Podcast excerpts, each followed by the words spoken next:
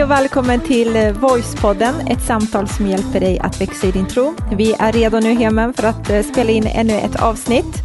Och eh, vi är inne i det här lite med juletider. Det Mm. börjar man märka av nu. Det var ju första advent igår. Precis, det är måndag idag. Igår var det första advent och eh, vad, vad handlar advent om egentligen? Ja, det är en bra fråga. Advent är ju, betyder ju, själva ordet är ju ankomst. Precis. Eh, Så det är i väntan på någonting som ska komma. Det är en slags nedräkning kan man Precis. säga tills Jesus ska komma. Fast egentligen inte tills han ska komma för han kom ju för 2000 år sedan. Mm.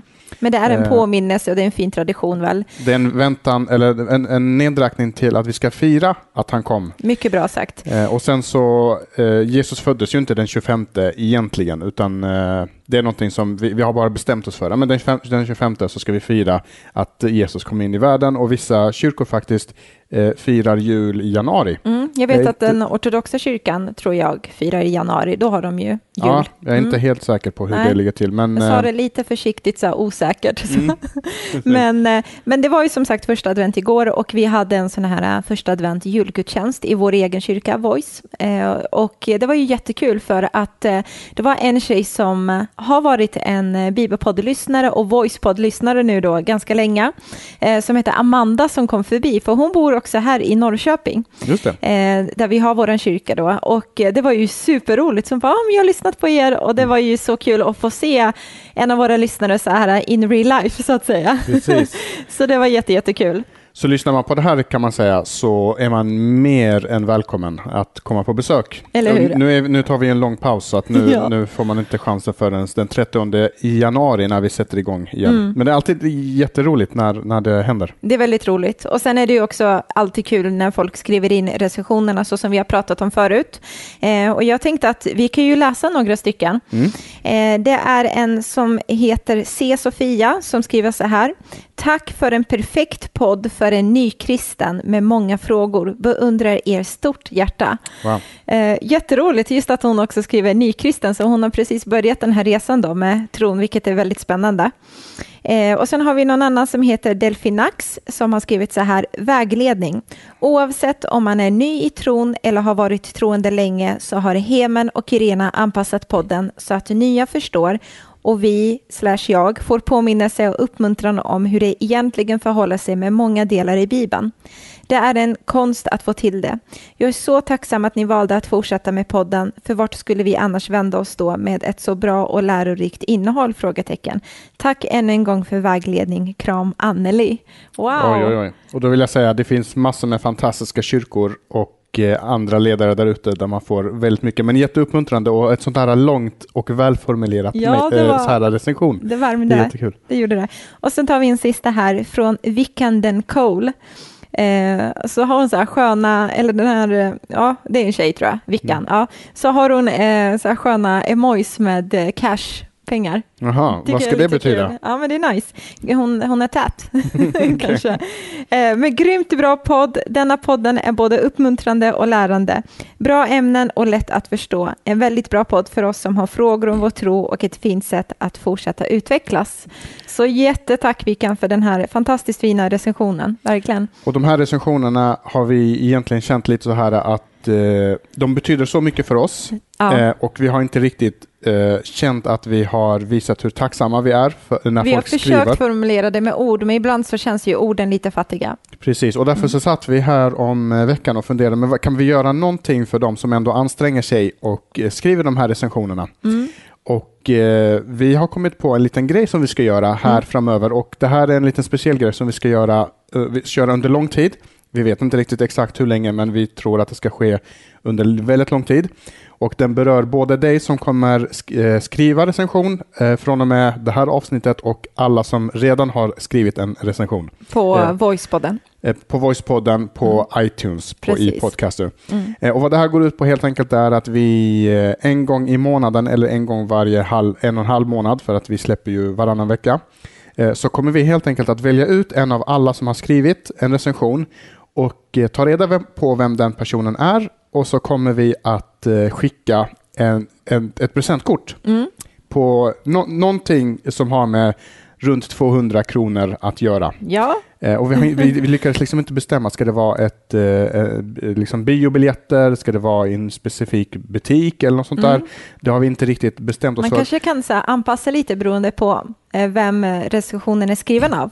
Precis. Eh, och sen lite så, ah, men den här kanske verkar vara sån här typ. Så får vi chansa lite och ge lite roliga, härliga presentkort. eller ännu bättre, Ja. man får välja själv.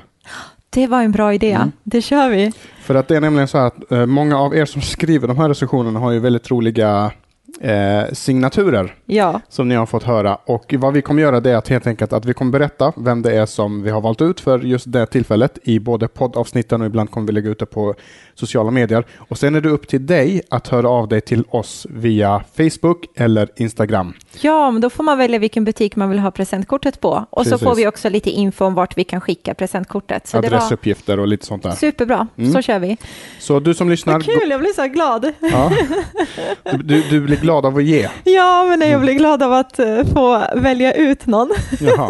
Ja.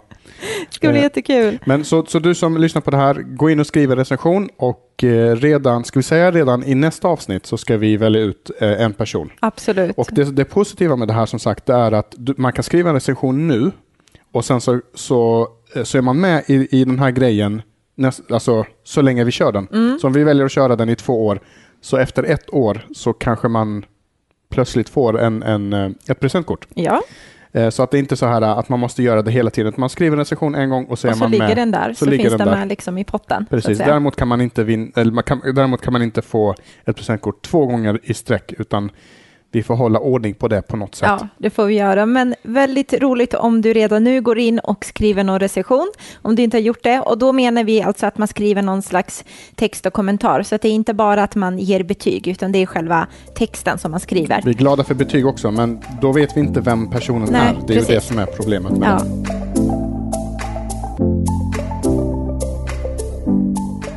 Vi är inne i det här med jultider och man börjar få in lite så här myskänsla nu. Jag köpte ju sån här äh, riktig sån här jul-Christmas-tröja, du vet, Mm. som jag är väldigt stolt över. Så jag har lagt ut till och med en bild på det på sociala medier, med där det står så här ho, ho, ho. Och så hade jag en med röda, eh, vad heter den där, renen med eh, Rudolf, Rudolf, typ så. just det. Det hängde grejer mysigt. överallt. Det hänger liksom. grejer, men det är lite kul. Men har jag tänkte Men på det det där här. är ingen tröja du har på dig till vardags. Du går liksom inte till eh, affären och handlar. Nej, Men, eller? eller alltså jo, jag, jag hade ju den i kyrkan i söndags.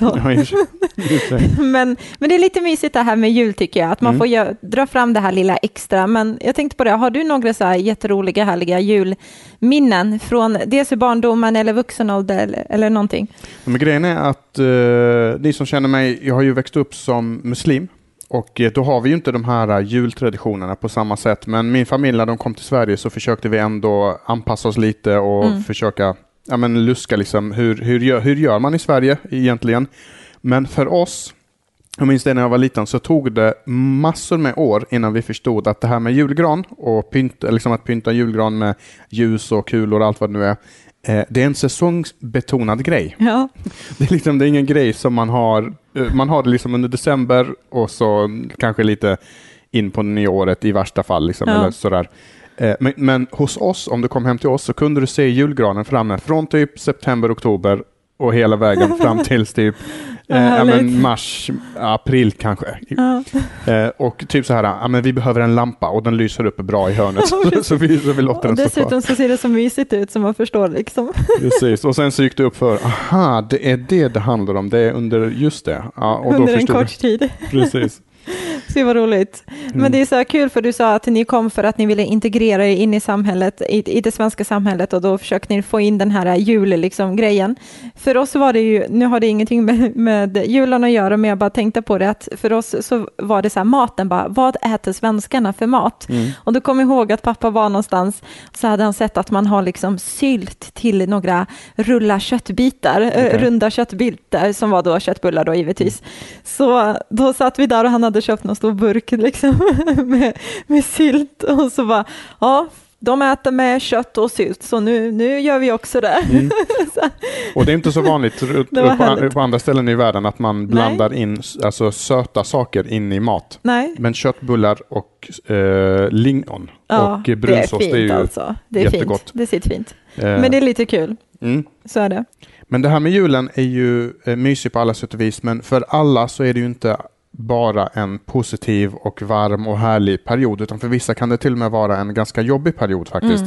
Eh, det kan, och, och, och, och julen kan också vara en sån här period som påminner en om allt som inte står rätt till. Mm. Alltså, eh, inga, ingen av oss har perfekta liv, men vi lyckas liksom leva i vardagen och förtränga det som kanske inte är så perfekt och, och, och leva livet. Men, men så kommer julen och så kommer alla dessa förväntningar och så blir det en påminnelse om allting som inte står rätt, rätt till. Till exempel Mm.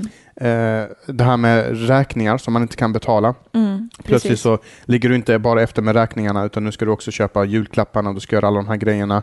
Eh, Det kan vara en påminnelse om alla trasiga relationer som Mm. man har, eller någon trasig relation Mm. som man har. Eller Men- så tänker jag också på, alltså det, är visst det kan vara trasiga relationer, men jag tänker på den här ensamheten som man Mm. verkligen igen blir så här påmind av att oj, jag kanske inte har familjen runt omkring mig eller någon partner eller någon jag kan dela det här med, utan man är ensam under juletiden Precis. och försöker bota den ensamheten med att kanske jobba över eller du vet, göra något annat för att fylla, fylla den här tomrummen som man kan känna. Ja, och någon kanske har fått en, eh, en rejäl smäll Mm. just kanske under eller precis innan jul, en dålig affär, en, en höst som liksom inte riktigt har gett vad, vad man hade hoppats. Eh, man kanske har blivit dumpad av Mm. någon.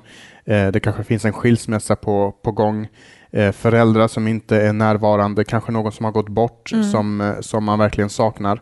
Eh, och jag vet att det finns vissa som, som får ett, ett har fått ett besked, du vet det här med att ja, men du kommer inte få leva mer än ett eller två år till Mm. från, från läkaren. Ja. Och det här är första julen någonsin där det här beskedet finns där under ytan. Liksom. Man försöker Mm. hålla uppe det här glada, eh, men någonstans så vet man, kanske är det här den sista julen vi får tillbringa tillsammans. Precis, och det är ju tufft eh, och det visar på ett sätt också verkligheten av att li livet är mycket mer än, eller mer liksom komplicerat och livet eh, har fler liksom lager av saker som vi går igenom än de här perfekta bilderna som vi ser liksom och försöker porträttera under juletiden.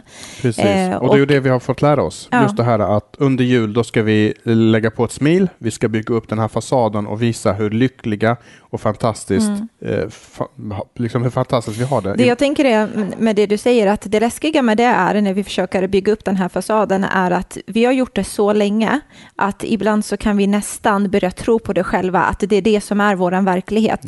Eh, att vi har liksom levt under den här filtervärlden så att säga, att vi tänker, men så är det. Och sen så möter vi verkligheten där på inför julen eller på juledagen eh, och då upplever man en väldigt svår stund liksom. Precis, och det är det jag älskar med julberättelsen som ändå det här avsnittet kommer handla om. Mm. Att, att uh, julberättelsen är inte en berättelse om den här perfekta familjen som hade en middag ihop och alla släktingar var där och Mm. ingen drack för mycket, ingen stökade till det, ingen var borta liksom, utan allting var, var bara perfekt och alla fick de julklappar som de ville och det var lyckligt och man satt liksom bredvid brasan där.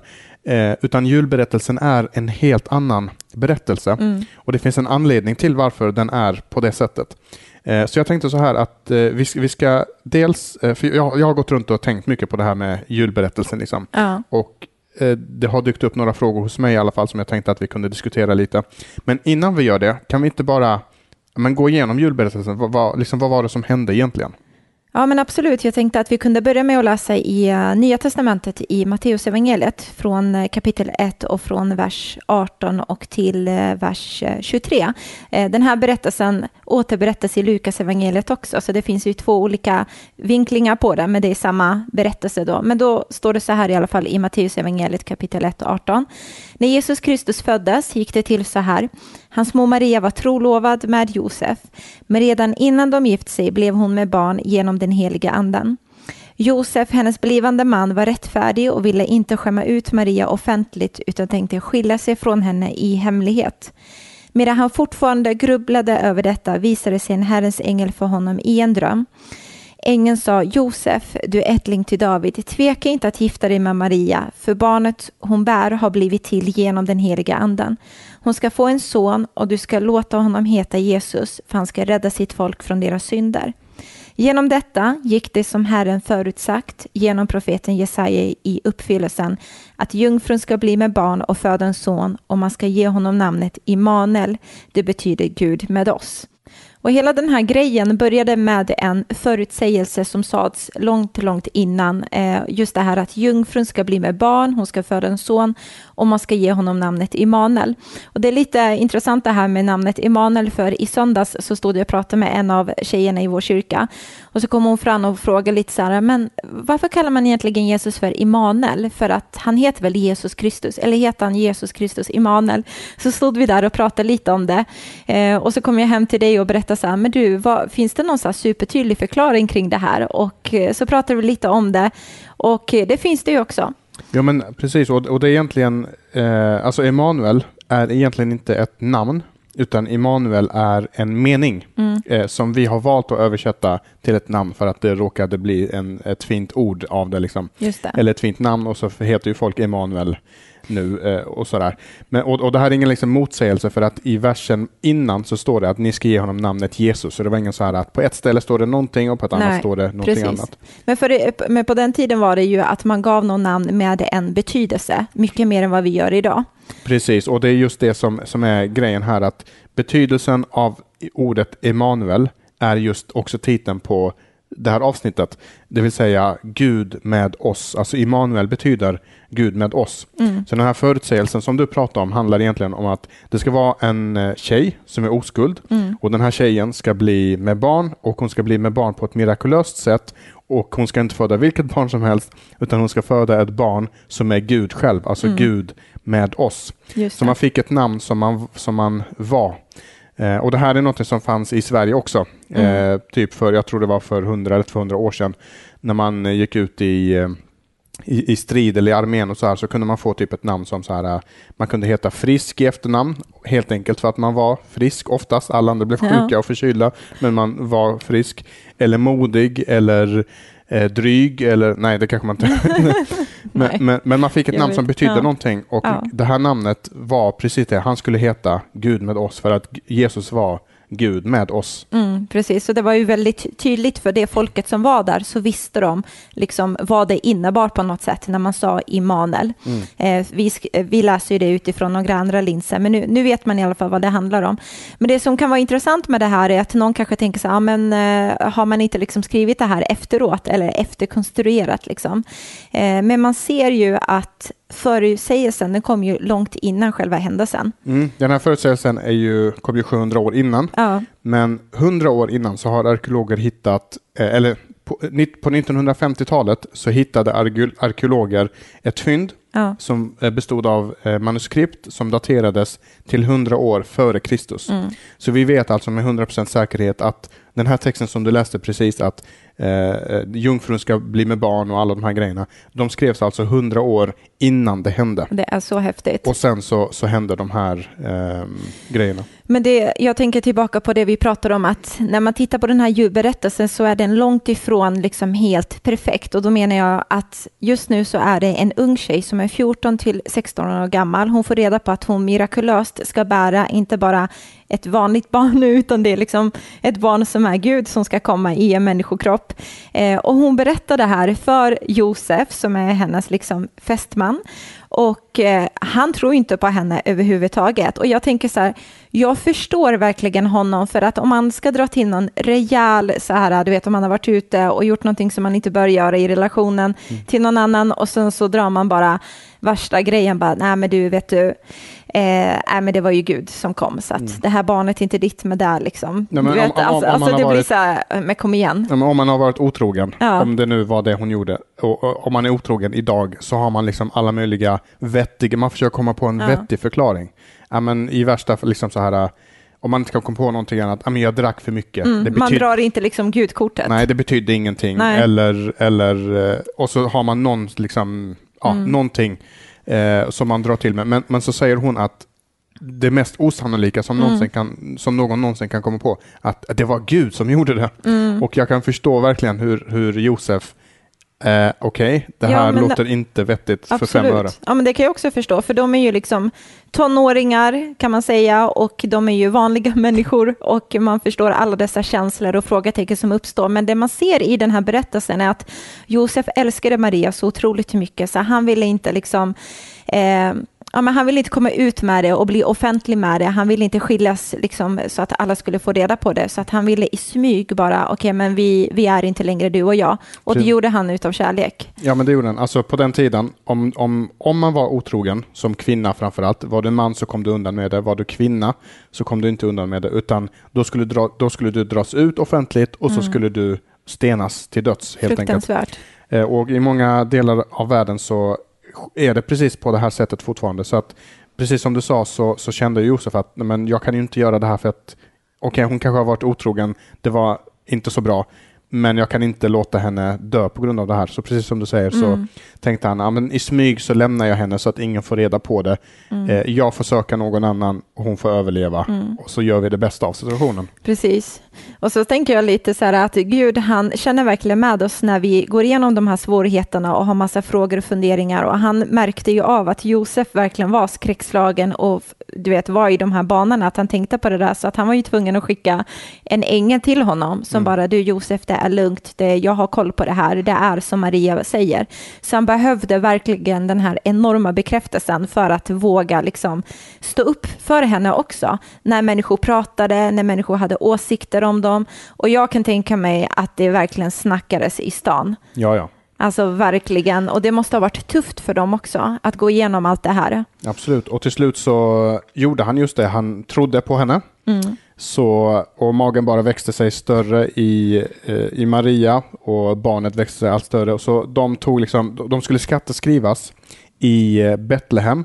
Och man, man gjorde det så att alla skulle liksom skatteskriva sig där man kom ifrån. Och Ja. då skulle de åka till Betlehem så de liksom packade sin familjebil, eh, den här åsnan. Åsnan, ja. Eh, Och, eh, och så beger de sig till Betlehem på en färd som är ganska jobbig måste jag ändå säga. Alltså att resa för en kvinna som är gravid, och det här kanske du ska säga, inte jag, Ja. men jag antar att Berätta du, men, precis, jag ska berätta vad jag har lärt mig av att vara gravid. Nej, men jag antar att det inte är det roligaste i världen att, att göra det. Är det inte så till och med att man inte får flyga om man är gravid i vissa Ja, precis. flygbolag? Tror Jo, men jag. så är det. Men det tror jag inte för att det är jobbigt att flyga, utan det har nog någonting med eh, höjden att göra eller något sånt där, att det Okej. kan hända någonting i magen, tror Ja, ja. jag. Men däremot så har du fortfarande rätt i att det är ju inte det mest bekvämaste när man är höggravid. Då tycker man ju att det är lite otympligt och liksom Precis, så. och att dessutom göra det på en åsna, på kuperad Mm. mark, det var liksom inte de bästa förhållandena. Nej. Och så var det en ganska lång resa, bara de två. Eh, och sen så kommer de fram till den här platsen, eh, till Betlehem. Mm. Och kanske så var det så att de hade förväntat sig att men vi åker dit och så hinner vi tillbaka innan jag ska föda. Men så blir de tvungna att föda i Betlehem. De eh, knackar på på lite olika ställen och försöker komma in. Det är fullt överallt. Alltså Så- hitta något vandrarhem eller något sånt där. precis någonstans att bara kunna föda det här barnet för att Mm. nu var det liksom, vattnet hade gått kan man säga. Och nu var det dags. Och, eh, och, och till slut så hittar de ingen annan plats förutom en, en grotta. Och en grotta blir ju ännu mindre liksom glamoröst. Alltså det blir ju det här mörka, kalla, fuktiga, eh, råa liksom. Alltså ett stall, eller i alla fall den här bilden som många av oss har är ju ändå att det är lite ombonat, det är lite hö och det är liksom, det, är- det är jobbigt med djuren men det kan ändå funka liksom. Men det var ju långt ifrån det. Det, var, inte verkligen långt ifrån det. Och Ja. när jag började tänka på den här storyn så kom jag att tänka på Eh, och eh, det här kanske du inte vill gå ut med Irena, men kommer du ihåg när du skulle föda Ja, eh, våran dotter? absolut. Vad du sa då eh, innan det här, det här skulle Ska vi hända? ta det nu eller? Ja, ja, det tycker jag. Ja, men absolut. Jo, men det kommer jag ihåg. Nej, men jag hade väl kanske en liten, eh, du bara outar mig helt här. Jag bara, jag bara kastar ut det och så bara, ut, kasta barnet ut på djupt vatten. nu får du ta det. Ja, nej men eh, jag kommer ihåg att jag delar med mig lite här till alla er tusentals lyssnare. Nej men jag kommer ihåg att när jag ville, eh, eller när jag var, kände att Så här, när du skulle föda så sa du så här, när jag ska när jag ska förlösa vårat barn, då Ja. tänker jag minsann inte vara en sån där äh, inom citationstecken foppa-mamma. Foppatoffelmamma. Det Foppatoffelmamma. är inget fel med om du har foppatofflor hemma, äger själv några sådana. Eh, men det var just den här bilden av att man kanske kommer jätterisig och så har man omatchande kläder och man liksom bara har strumpor och så har man sina tofflor på och så går man dit Man är som osminkad. Ja, men lite sådär, du Svettig. vet. Och ris, ja, hela den grejen. Och så kändes jag, så mycket som jag bara själv kan kontrollera så ska jag inte gå på den stigen, utan jag ska liksom fräscha upp mig och jag hade till och med bestämt vilken frilla jag skulle ha Oh och sminka mig och alltihopa. Så att eh, jag kommer ihåg när jag började känna av lite sådär verkar, då bara, nej men det är dags nu Heman. Och då var jag så stolt över mig själv, för jag bara, jag ska bara gå in, fixa håret. Så jag gjorde liksom min lilla knut där uppe, eller boll som jag hade. Eh, och eh, fixade till ansiktet, sminkade mig, satte på mig mina schyssta kläder. så åkte vi iväg Mm. till förlossningen och plingade på där. Och jag bara, nu är jag redo. Eller plinga på. Ja, men typ knacka på, vi- eller vi, vi kom in in där. sjukhuset. Precis. ja, men så kände jag så här, nu är jag redo och ut kommer hon sköterskan och tittar på mig och jag försöker liksom övertyga henne om att det är dags nu, det är, jag har verkar. Och så vad var det hon sa? Hon Ja, tittade hon tittar på mig dig liksom. och säger så här, lilla, lilla dam, du ser inte ut att vara en sån som ska föda Ja. någon, någon gång Så hon, snart. hon skickade hem mig och det Mm. värsta var, alltså, om, jag, om jag ska vara helt ärlig nu, eh, så tänkte jag så här, det här visar ju hur omogen man kan vara ibland, men då tänkte jag så här, det där säger hon bara för att hon är så avundsjuk på mig, för att jag ser bra ut och jag är gravid typ. Alltså man är ju lite konstig ibland. Så, Ja. Men i alla fall, men när det var dags, då var det verkligen att jag var den här foppatoffla-morsan faktiskt. Alltså då var det omatchande. Jag kommer ihåg att jag hade Adidas-byxor med spetströja. Var- Hade du inte en sån här jättestor t-shirt? Nej, jag hade en spetströja med Okej. Adidas träningsbyxor typ så här. Och sen så var det in, ingenting var fixat. Mm, nej, men på, på, alltså precis. Och det är okej. och, och då såg du ut som en Och det var kvinna. verkligheten. Ja, det var verkligheten och då såg du ut som en kvinna som är på väg att föda. Ja. Och varför, vi, varför jag ville bara berätta den här historien, det är bara för att det är inte glamoröst för fem öre att föda ett barn. Det är allt annat än det och framförallt inte att göra det i, i en grotta. Alltså kan Nej. du tänka dig att göra det i en grotta? Det är mörkt som du sa, det är kallt, det är fuktigt överallt Mm. och, liksom, eh, och, så, och så är djuren där, det stinker överallt.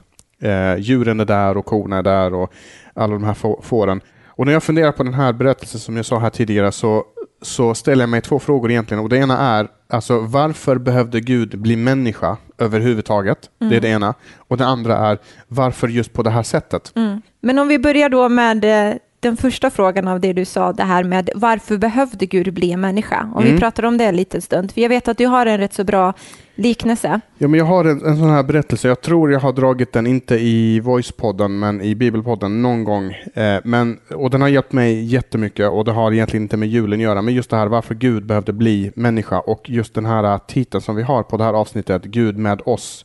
Eh, vad har det med saken att göra? Liksom? Eh, och det är den här eh, liknelsen som jag kallar för myrliknelsen. Mm. Och för att eh, vi ska kunna förstå varför och, för, och sätta oss in i Gud så måste vi göra just det att vi måste låtsas som att vi är eller vi måste sätta oss in i Guds situation och hur han ser liksom, Försöka så gott det går. precis försöka och ur hans perspektiv se liksom hela, hela den här grejen.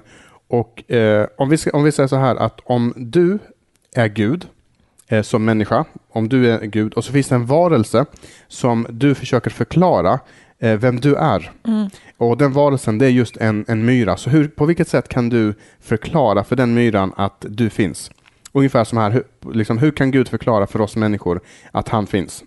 Eh, och för myr, myrorna går ju, de lever ju sina liv och, och du kan hålla en myra i handen och den vet troligtvis inte att du är en människa. Nej. För att du är för stor för den myran att kunna greppa om vem du är. Och ibland är det just så att, att Gud är så stor så att vi inte kan se honom. Alltså det är inte att han, inte, att han är osynlig, utan han, det, han är bara för stor helt enkelt. Ungefär som en myra gentemot en människa. Så hur kan man göra för att förklara för en myra att, att, att vi människor finns? Och man kan, jag funderar på olika sätt man kan göra det på. Man kan ropa så högt man kan. Ja. Hallå, hallå, vi finns här och vifta med armarna, hoppa liksom och studsa och sådär. Då tror de säkert att det är någon slags jordbävning eller något. Ja, men de skulle inte, liksom inte förstå. Man skulle Ja. kunna skriva med stora bokstäver och försöka förklara. Man skulle kunna stoppa in fingret rakt in i Mm. en myrstack och de skulle tro att, att det är en naturkatastrof. Ja, Man tänkte att en, ett, en hand bara skulle Ja. dimpa rakt ner någonstans ifrån. Eh, och vi vet ju inte ens att det är en hand. De vet ju inte att det är en hand. De tror bara att det är någonting som är på gång. Mm. Eh, och Det enda sättet jag kan komma på för, att, för oss människor förklara för myran att vi finns, det är just att om jag kan bli en myra och prata deras språk, kommunicera på deras sätt och förklara för dem, hörni, det finns någonting där ute eh, som är långt utöver, mycket större än det vi kan se, eh, som heter människor. Och liksom att det finns någonting mer än det här ekorrhjulet som vi håller på med och bär de här kvistarna och bygger den här myrstacken och så vidare. Så, så det är en av de anledningarna som jag tror att varför Gud behövde bli människa, det är just för att han, det var det bästa sättet som han kunde förklara vem Gud är, genom att bli precis som oss. Precis, och det är väldigt tydlig och eh, en bra liknelse också faktiskt, som är väldigt enkel att förstå tror jag. Men just det här att myran behövde, att Gud behövde bli myran för att kunna kommunicera så som myrorna gör och på samma sätt gjorde Gud också med Jesus, att han blev en människa. Och tillbaka till den här förutsägelsen om Maria, att Gud med oss. Det var så tydligt då för dem att förstå det. Men frågan är varför han gjorde det på det sättet. För på något sätt kan man ju ändå känna så här, men kunde Gud inte bara ha knäppt med fingrarna och bara dykt upp, här är jag någonstans liksom. Eh, Eller varför föddes han inte i ett palats till exempel? Mm. Han kunde födas, liksom, han, han, är ju, han beskrivs ju i Bibeln som kungars kung och sådär. Det, han precis. kunde födas i ett palats. Han kunde kört en sån här Star Trek, ja, Star Trek, eller Track, vet inte. Star Trek. Ja, Okej, du vet sån här, de, de går in i någon slags tub och så teleporteras de från ett ställe till ett annat och sen så bara dyker en snubbe upp och så, dy, så säger han jag är Jesus, den ni har väntat på. Ja. Jag är Gud liksom.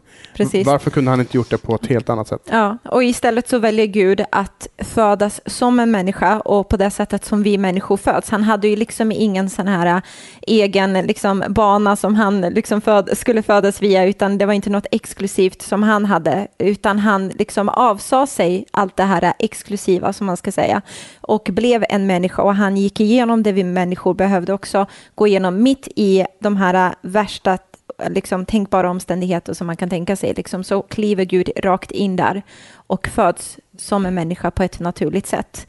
Och frågan är än en gång liksom, varför han valde att gå den vägen. Precis, och så, så frågan än en gång som man ställer sig, varför gjorde han på det sättet? Han kliver in i en mage, han, han blir en bebis, han ska lära sig gå, lära sig prata. Under svåra situationer. Under svåra situationer, varför föddes, de, varför föddes han i en grotta, liksom alla de här grejerna? Eh, ja, Men jag tror att det handlar om att Gud, han vill nog visa oss någonting väldigt viktigt och som är mer aktuellt än någonsin. Och det är just det här faktum att han faktiskt vill kliva in i våra liv, mitt i den här röran som vi ändå kan uppleva att vi faktiskt har. Mitt i den här stressen, mitt i det här operfekta, mitt i det här som inte funkar. För han känner ju till våran operfektion. Och eh, även om vi kan liksom försöka ha dessa fasader gentemot varandra så ser Gud rakt igenom alla dessa fasader och han väljer ändå, fast han ser hur det verkligen är, så vill han vara en del av våra liv. Eh, och på det sättet så visar han också att jag är Gud med dig, mitt i din vardag, mitt i det trasiga, mitt i det fina, mitt i det svåra, mitt i det liksom omtumlande. och på något sätt så visar den här berättelsen också att Gud är inte rädd för våran operfektion. Han är Nej. inte rädd för våran trasighet, för våran röra som vi kanske har ställt till med. Han är inte rädd för våran ensamhet, utan han vill kliva rakt in i det och han gör det genom att kliva in i, till den här världen på Ja. det mest osannolika sätt i riktigt extrema och jobbiga förhållanden. Eh, för att sen kunna säga till oss att jag förstår. Jag förstår det som du går igenom och faktiskt menar det. För att vi kan höra det så många gånger från människor runt omkring oss. Ja, men jag förstår, jag förstår att det är tufft och så här. Men han förstår, och han, han, för att han, dels för att han känner våra hjärtan, men också för att han har gått igenom något liknande som vi går igenom. Och det tycker jag känns tryggt och trovärdigt för mig att man har en Gud som faktiskt inte bara teoretiskt kan förstå utan har gått igenom tuffa saker. Han känner med oss, han är medlidande, han har liksom blivit eh, förrådd av en vän. Han har eh, liksom sett eh, de här jobbiga situationerna när människor har åsikter och tankar. Allt det vi människor kan brottas med, han vet hur det är. Precis. Och mitt i det så vill han finnas där, mitt i vår vardag, mitt i det här tuffa som vi också Så kan Gud uppleva. liksom Liksom. vill, vara, mm, ja, men vill vara en del av vårt liv, mitt i en skilsmässa. Ja, absolut. Mitt i när vi har förlorat någon som vi håller kär. Mm. Mitt i när vi klantar till det rejält och känner att nu är det helt kört. Eh, mitt i när vi inte lyckas leva upp till eh, andras eller till och med våra egna eh, förväntningar Ja, eller, eh, när vi känner, eller när vi känner att vi själva inte räcker till, mitt i det också. Precis. Och mitt i allt det här så kan han verkligen under den här juletiden som vi har framför oss så kan han komma med tröst till dig, han kan komma med kärlek och jag tror att han också vill komma med vägledning. Så, och jag tror att han är den enda som verkligen än en gång kan säga, precis som du sa förut Heman, att jag vet hur du har det och han menar det. Och inte bara att han konstaterar det i våra liv, utan jag tror att han också vill hjälpa oss genom det. Så inför den här eh, juletiden så hoppas vi på att oavsett hur livet ser ut så hoppas vi på att du kan lyfta liksom ditt hjärtas blick mot Gud och eh, veta om att han är med dig, han är närvarande och han vill hjälpa dig. Det var det här lilla julavsnittet som vi hade Heman och eh, jag vill bara nämna också till dig som lyssnar att glöm nu inte att gå in och recensera eh, via iTunes podcaster så hittar du Voicepodden där och eh, det är från och med nästa avsnitt som vi kommer välja ut vår första person som vi ska skicka ett härligt presentkort till. Så in och skriv redan nu. Mm. Och, håll utkik så håll att man inte utkik. missar det. Precis, det är jättebra tips. Mm. Så återkommer vi med ett nytt avsnitt. Yes, och eh, du som lyssnar på det här, jag tror att det finns massor med människor som behöver höra just de här eh, orden Mm. eh, kring att eh, Gud vill komma in eh, precis där vi står just nu så att man inte, eh, så att man redan i början sätter rätt fokus på vad julen handlar om. Jag tycker det här uttrycket, det här med vad julen egentligen handlar om, det är Ja. så uttjatat, men, men det är ändå det det handlar om. Man Att- behöver ändå nämna det. Precis, man behöver nämna det att, att julen handlar inte om alla de här yttre sakerna som ja, men hela branschen försöker pracka på oss, utan det finns en helt annan betydelse Mm. och att vi alla får plats i julberättelsen. Det är inte bara de fina och välpolerade, om det nu finns några sådana, Nej. utan alla människor får plats i julberättelsen. Absolut. Så ha det nu riktigt underbart så återkommer vi. Ha det bäst. Hej då! Hej då!